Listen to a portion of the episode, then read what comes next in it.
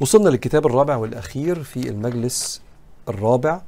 آه، كتاب أيها الولد لحجة الإسلام أبي حامد الغزالي المتوفى 505 هجريا وهو كتاب بيتكلم عن وصايا الإمام الغزالي لبعض تلامذته.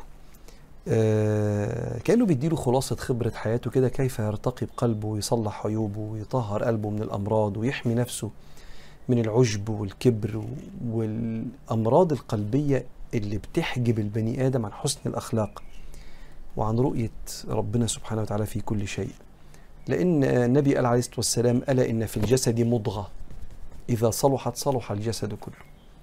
وإذا فسدت فسد الجسد كله ألا وهي القلب.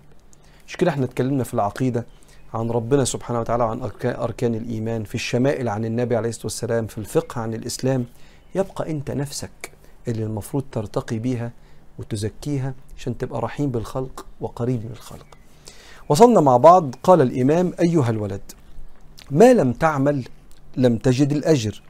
حكي أن رجلا من بني إسرائيل عبد الله سبعين سنة فأراد الله تعالى أن يجلوه على الملائكة فأرسل الله إليه ملكا يخبره أنه مع تلك العبادة لا يليق به دخول الجنة. فلما بلغه قال العابد نحن خلقنا للعبادة فينبغي لنا أن نعبده. فلما رجع الملك قال إلهي أنت أعلم بما قال. فقال الله تعالى إذا هو لم يعرض عن عبادتنا فنحن مع الكرم لا نعرض عنه. اشهدوا يا ملائكتي أني قد غفرت له بيقول إيه؟ بيقول الإمام الغزالي بيقول له يا ابني أنت لو ما عملتش مش هتلاقي الأجر.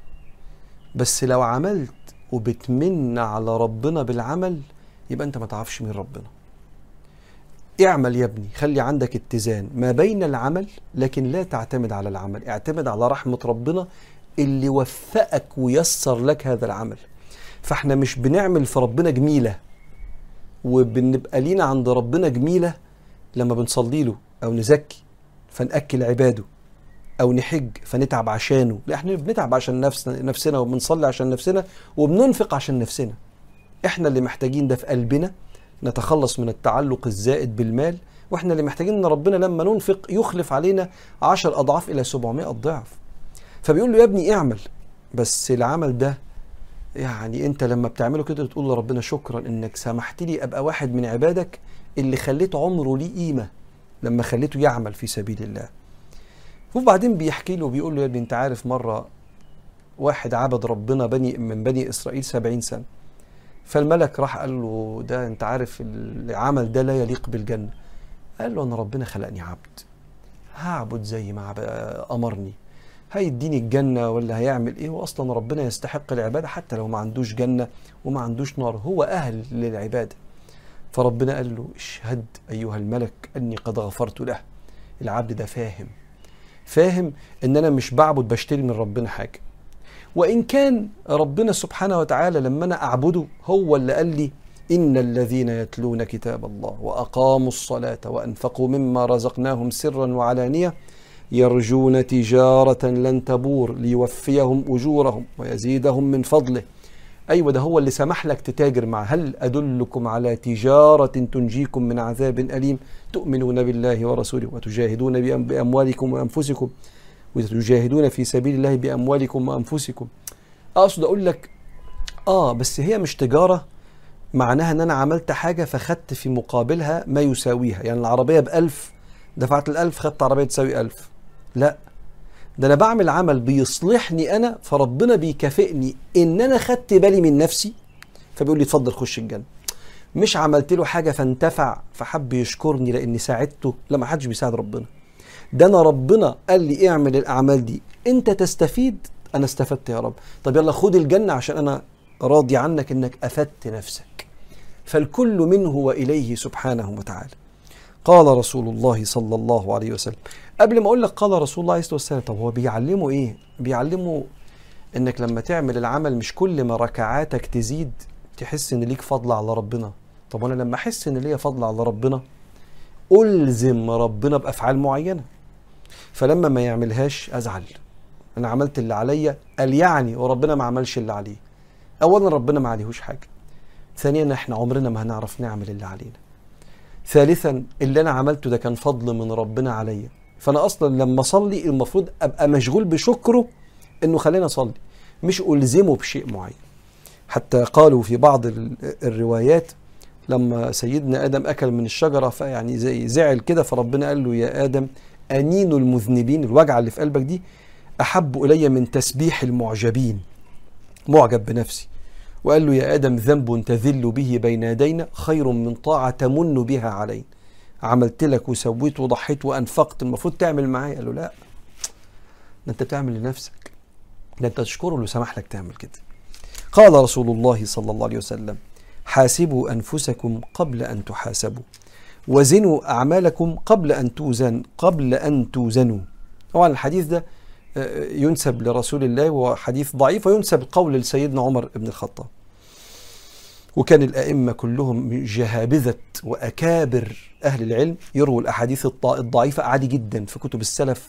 يعني من لدن القرون الأولى إلى الآن إذا كانت هذه الأحاديث تتسق مع غيرها من الصحيح فياخدوها في حاجة اسمها فضائل الأعمال. يعني ياخدوا منها. إذا كان مثلا آه، اعمل ما شئت فإنك آه، آه، عش ما شئت فإنك ميت. حديث ضعيف بس هو صح.